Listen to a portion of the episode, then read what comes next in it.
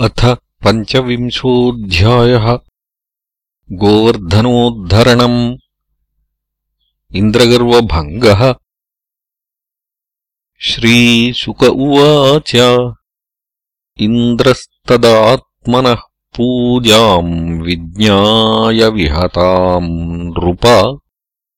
गोपेभ्यः कृष्णनाथेभ्यो नन्दादिभ्यश्च चुकोप सः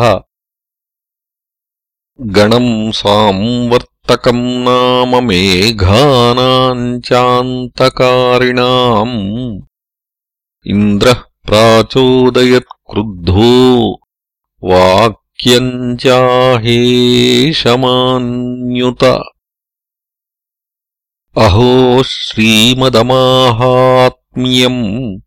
गोपानाम् काननौकसाम् कृष्णम् मर्त्यमुपाश्रित्य ये चक्रुर्देवहेलनम्। यथा दृढैः कर्ममयैः क्रतुभिर्नामनौनिभैः विद्यामान्वीक्षकीम् हि तितीर्षन्ति भवार्णवम् वाचालम् बालिशम् स्तब्धम् अज्ञम् पण्डितमानिनम् कृष्णम् मर्त्यमुपाश्रित्य गोपा मे चक्रुरप्रियम् येषाम् श्रियावलिप्तानाम् कृष्णेनाध्मायितात्मनाम् धुनुत श्रीमदस्तम्भम् पशून्नयतसंक्षयम् अहम् चैरावतम् नागमारुह्यानुव्रजे व्रजम् मरुद्गणैर्महावीर्यैर्नन्दगोष्ठजिघांसया। श्रीशुक उवाच इत्थम् मघवता ज्ञप्ता मेघा निर्मुक्तबन्धनाः नन्दगोकुलमासारैः पीडयामासुरोजसा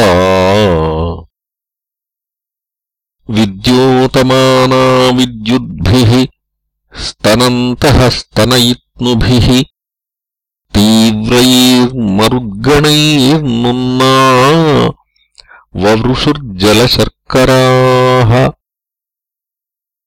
स्थूणास्थूलावर्षधारा मुञ्चत्स्वभ्रेष्वभीक्ष्णशः जलौघैः प्लाव्यमाना भूः नादृश्यत नतोन्नतम्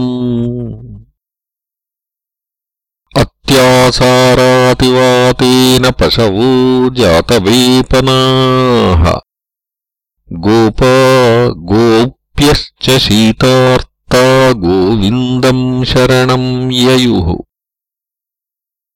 शिरः सुतांश्च कायेन प्रच्छाद्यासारपीडिताः वेपमाना भगवतः पादमूलमुपाययुः।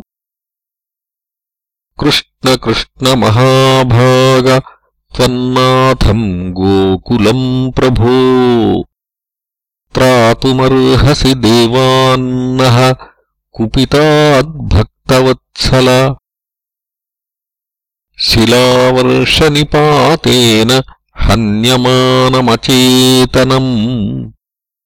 निरीक्ष्य भगवान्मेने कुपितेन्द्रकृतम् हरिः। अपर्त्वत्युल्बणम् वर्षमतिवातम् शिलामयम् स्वयागे विहतेऽस्माभिरिन्द्रो नाशाय वर्षति। तत्र प्रतिविधिम् सम्यगात्मयोगेन साधये। लोकेशमानिनाम् मौढ्याद्धरिष्ये श्रीमदम् तमः। न हि सद्भावयुक्तानाम् सुराणामीशविस्मयः मत्तो सताम् मानभङ्गः प्रशमायोपकल्पते। तस्मान्मच्छरणम् गोष्ठम् मन्नाथम् मत्परिग्रहम् गोपाये स्वात्मयोगेन सोऽयम् मे व्रत आहितः इत्युक्त्वैकेन हस्तेन कृत्वा गोवर्धनाचलम्।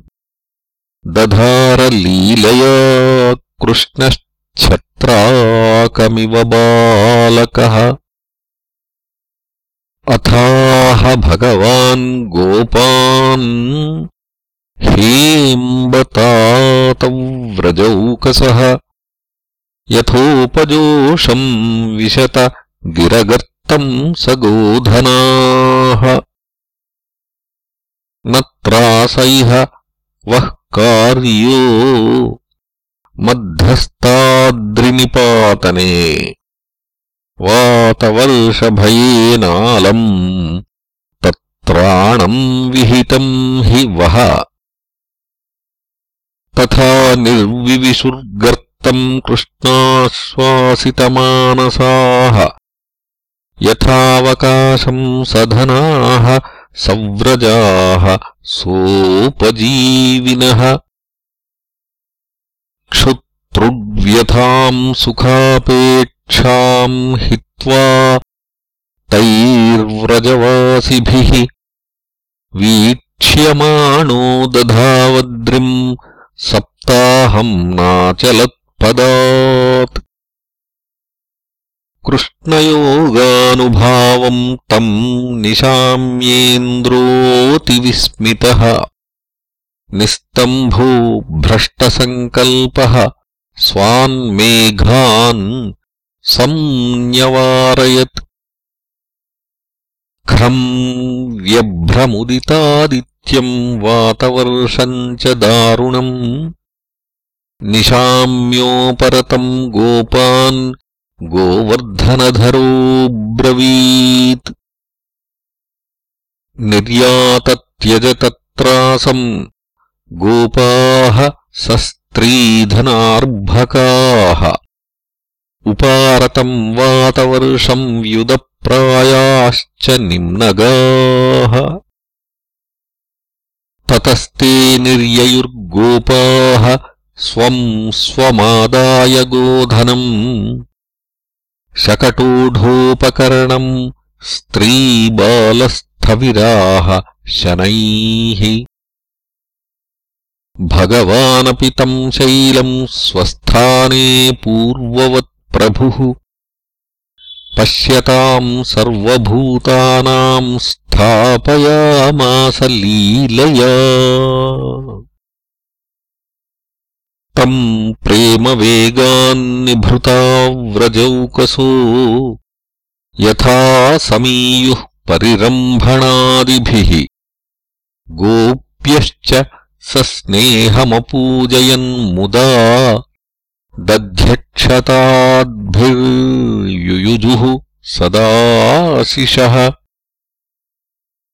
यशोदा रोहिणी नन्दो रामश्च बलिनाम् वरः। कृष्णमालिङ्ग्य युयुजुराशिषः स्नेहकातराः। दिवि देवगणाः साध्या सिद्धः गन्धर्वचारणाः। तुष्टुर्मुमुचुस्तुष्टाः पुष्पवर्षाणि पार्थिव। शङ्खदुन्दुभयो नेदुर्दिवि देवप्रणोदिताः। जगुर्गन्धर्वपतयस्तुम्बुरुप्रमुखा नृप। ततोऽनुरक्तैः पशुपैः परिश्रितो। राजन्सगोष्ठैर्विजहारः सबलो व्रजद्धरिः तथा विधान्यस्य कृतानि गोपिकाः गायन्त्य ईयुर्मुदिताः हृदि स्पृशः। इति श्रीमद्भागवते महापुराणे पारमहंस्याम् संहितायाम् दशमस्कन्धे पूर्वार्धे पञ्चविंशोऽध्यायः